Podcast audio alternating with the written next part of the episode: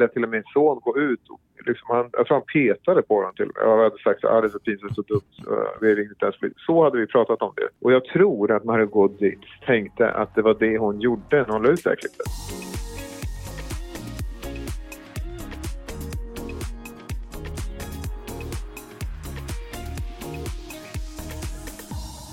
Det har återigen stormat i influencerfabriken och vi som ska försöka räta ut vad och framförallt varför stormen uppstod heter Nelly Pilsetnek, reporter på Resumé. Och jag, Thomas Nilsson, också reporter här på Resumé. Vi kan väl ta det från början. Förra fredagen, innan det här spelades in den 4 november alltså, så uppmärksammades ett klipp från influensen Margot Ditts egna Youtube-kanaler. Spridningen kom väl inledningsvis på Twitter och I den här filmen så filmar Margot Dietz en utslagen, blodig och blåslagen man som ligger utanför hennes dörr och ja, blockerar den och eh, sover eller är utslagen. Och hennes assistent filmar också utifrån trapphuset. Och Margot hon öppnar ju dörren och låter sin son gå ut och peta på den här mannen som inte reagerar. Nej, han reagerar inte nämnvärt. Och så slutar klippet med att hon ringer sin personliga tränare som säger att de borde ringa polisen. Det är i alla fall den korta sammanfattningen av det klipp som förra veckan spreds som en löpeld i mediesverige. Ja, och för oss på Resumé är det såklart det mest intressanta vad som har hänt efter klippet och hur Margot Ditts samarbetspartner har reagerat. Det dröjde nämligen inte så länge till att Stronger, som eh, vars träningskläder Margot bär i klippet och där loggan syns väldigt tydligt, avbröt sitt samarbete med influensen. Och därefter så bröt även bolag som Elixir Pharma, Revolution Race och Memeto. Ja, och längst gick väl kanske Westfield som äger eh, Mall of Scandinavia, eh, shoppinggallerian i Solna utanför Stockholm. De gick nämligen tillbaka i sina egna egna flöden och raderade alla bilder på olika samarbeten som de hade gjort med eh, Margot Ditz det ska också sägas att i dagsläget är det fortfarande lite oklart om de här eh, annonsörerna som har brutit med henne har, bara har tagit en paus eller om det faktiskt rör sig om en definitiv brytning. Och det här har ju fått otrolig uppmärksamhet och diskuterats både i sociala medier och traditionella medier. Och bara hos oss på Resumé så har ju läsningen kickat i höjden. Vi har fått miljontals läsningar på de här artiklarna och vi är ju inte den enda tidningen som rapporterar om det här på vår Facebook-puff så, så står det att den har nått över en miljon personer.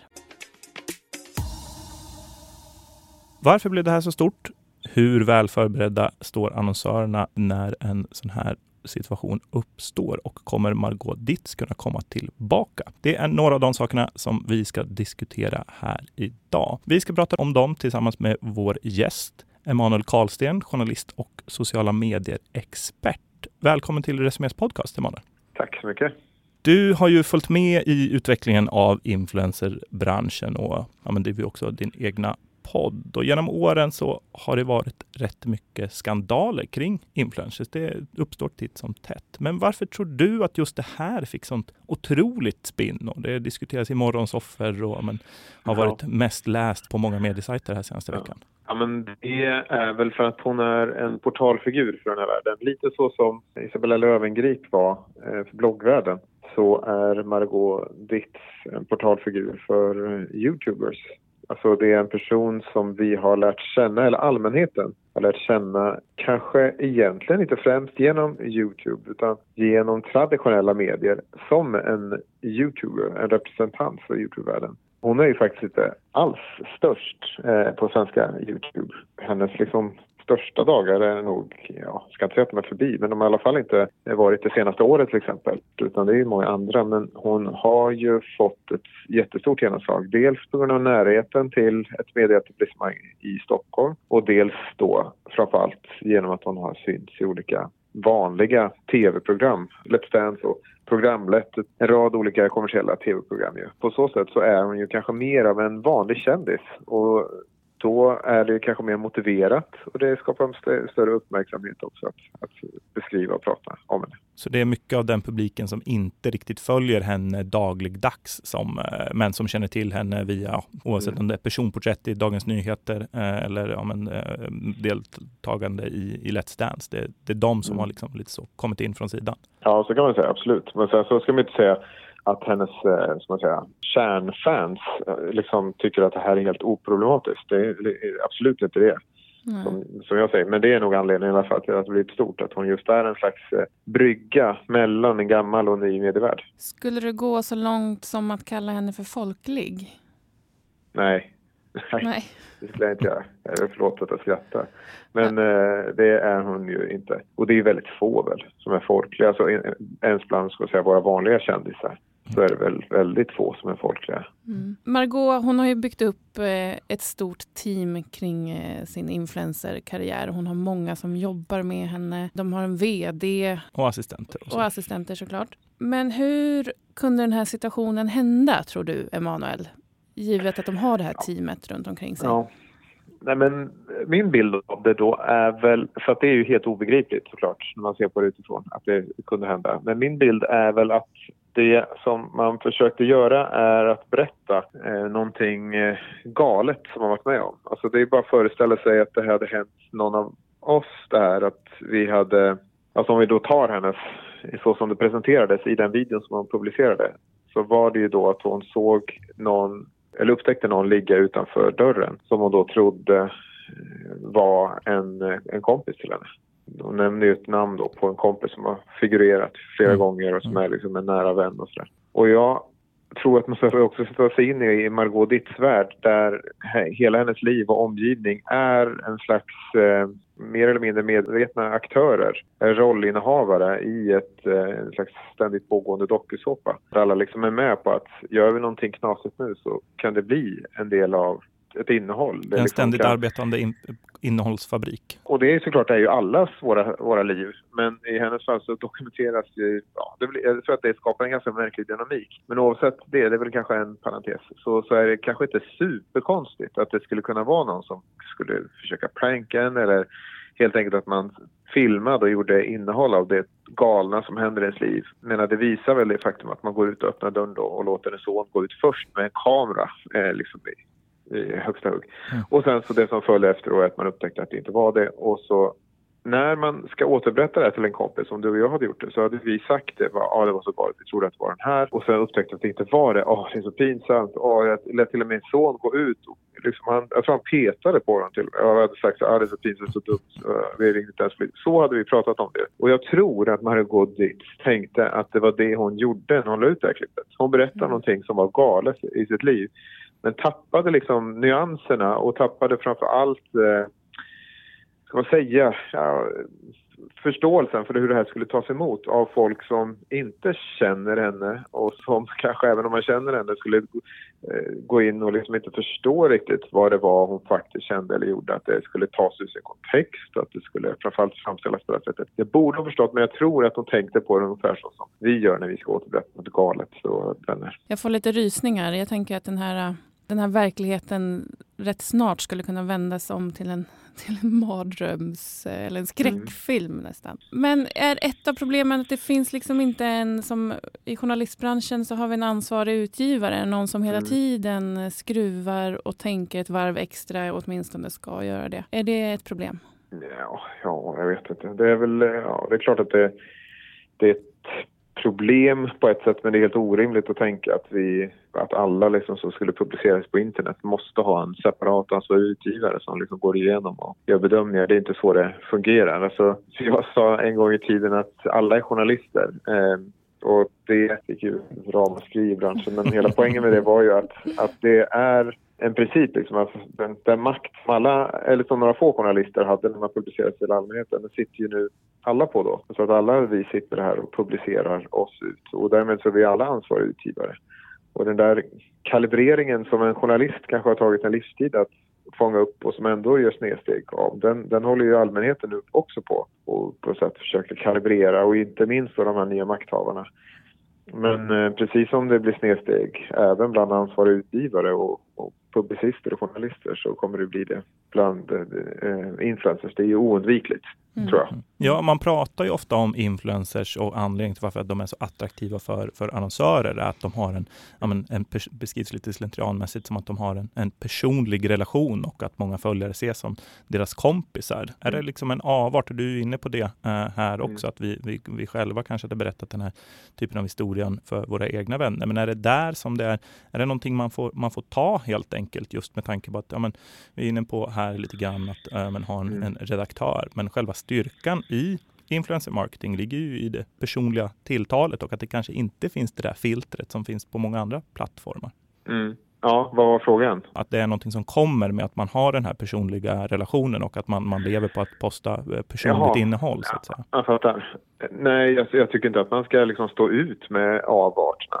Det är väl, det är väl rimligt att, att det har blivit den här reaktionen på ett sätt. Så sagt, jag tror att även hennes kärnpublik reagerar så här att man tycker att det där, det där kanske inte kändes helt smakfullt. Liksom och så. Jag tror absolut inte att vi ska liksom, att vi behöver ha eller beror på vilken man menar med tolerans, på vilken nivå. Mm, mm, man, det är klart att man behöver tolerera att alla människor gör fel och sånt där. Men, men eh, det är klart att vi också ska säga ifrån när vi tycker någonting blir galet.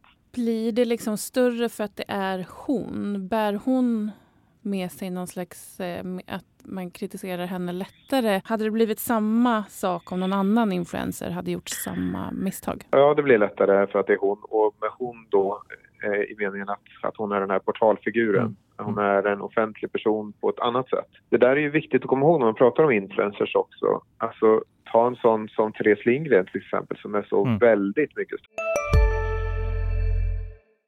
Vi är specialister på det vi gör, precis som du. Därför försäkrar vi på Swedea bara småföretag, som ditt. För oss är små företag alltid större än stora och vår företagsförsäkring anpassar sig helt efter firmans förutsättningar. Gå in på swedea.se företag och jämför själv.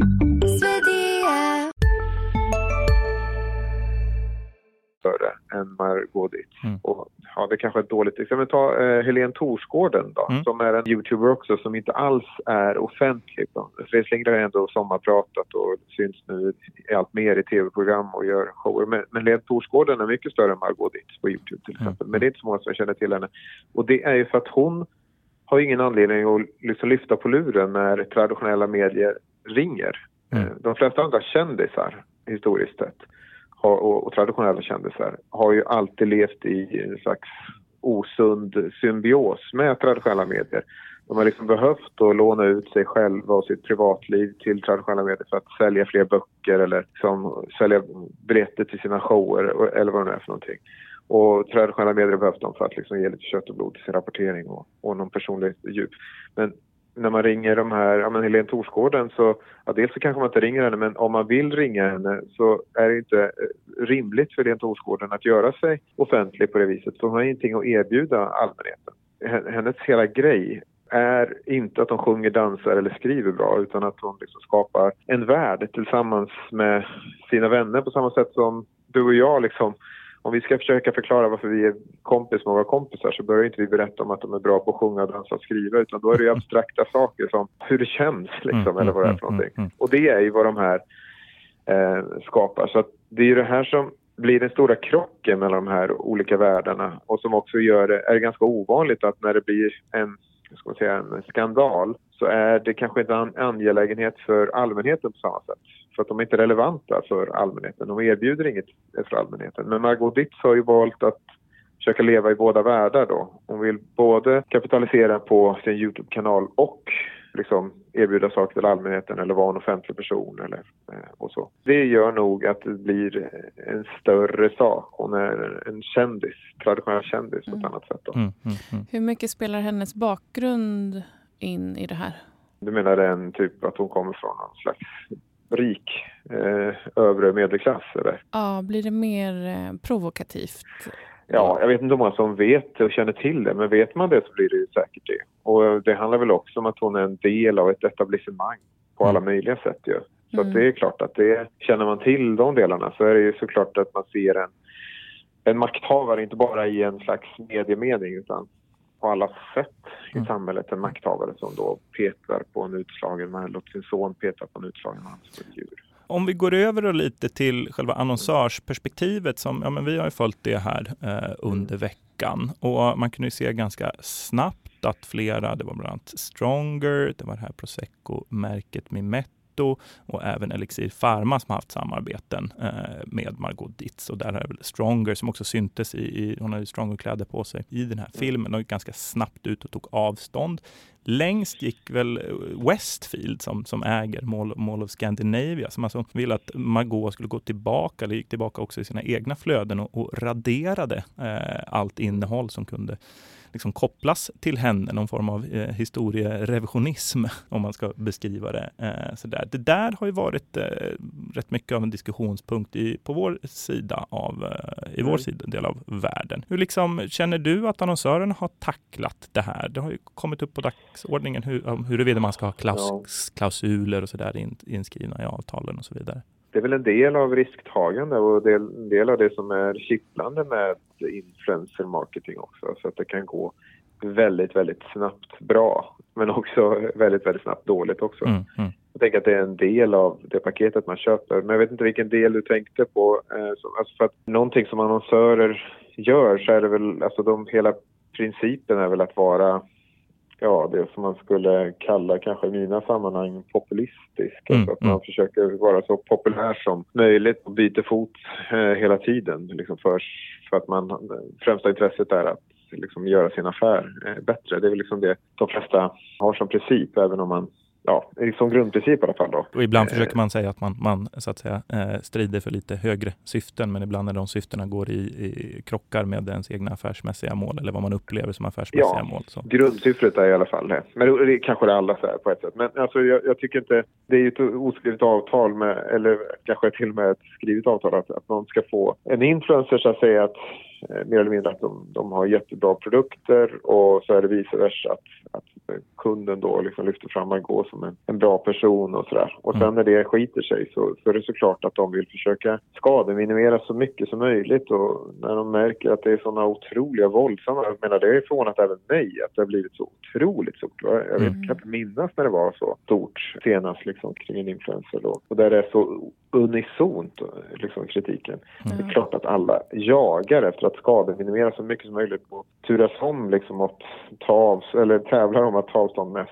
Jag tycker inte att det är särskilt konstigt men som sagt det är väl en del av paketet då att när man köper plats här och som sagt en del av det kittlande att det kan gå verkligen åt båda håll men ofta såklart går det ju väldigt, väldigt bara positivt. Det är väldigt få fall, försvinnande få fall som vi har som har blivit så här. Det mm. känns ju som att det kan gå positivt under en väldigt lång tid om inte annat.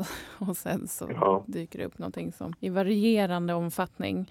Men som du säger, det här har ju blivit lavinartat. Mm. Och intresset verkar ju vara mm. mm. omättligt. Mm. Det ja. förvånar mig också. Men hur mycket kan de här varumärkena skydda sig inför ett samarbete? Är det någonting som de pratar om innan? Jag, jag ska säga att jag har egentligen för lite information om hur annonsörer pratar med, med influencers om det här eh, och hur de liksom avtal skriver. Det ska nog någon annan svara på. Men, men jag skulle väl gissa att eh, historiskt har det varit så att det har varit så väldigt enkelt att räkna hem den här affären. Om du jämför liksom en affär, om du går till TV4 eller ja, Aftonbladet eller någon liksom traditionell aktör och köper utrymme så, så kan du aldrig räkna hem den på samma sätt. Då är det liksom exponeringsvärde och liksom greppar efter andra begrepp när du ska räkna hem affären. Liksom. Du får synas med ditt varumärke men att du ser det som en utgiftspost. När man har gått till influencers så har man kunnat säga så här, vi lägger en kvarts miljon och så har man kunnat sitta och räkna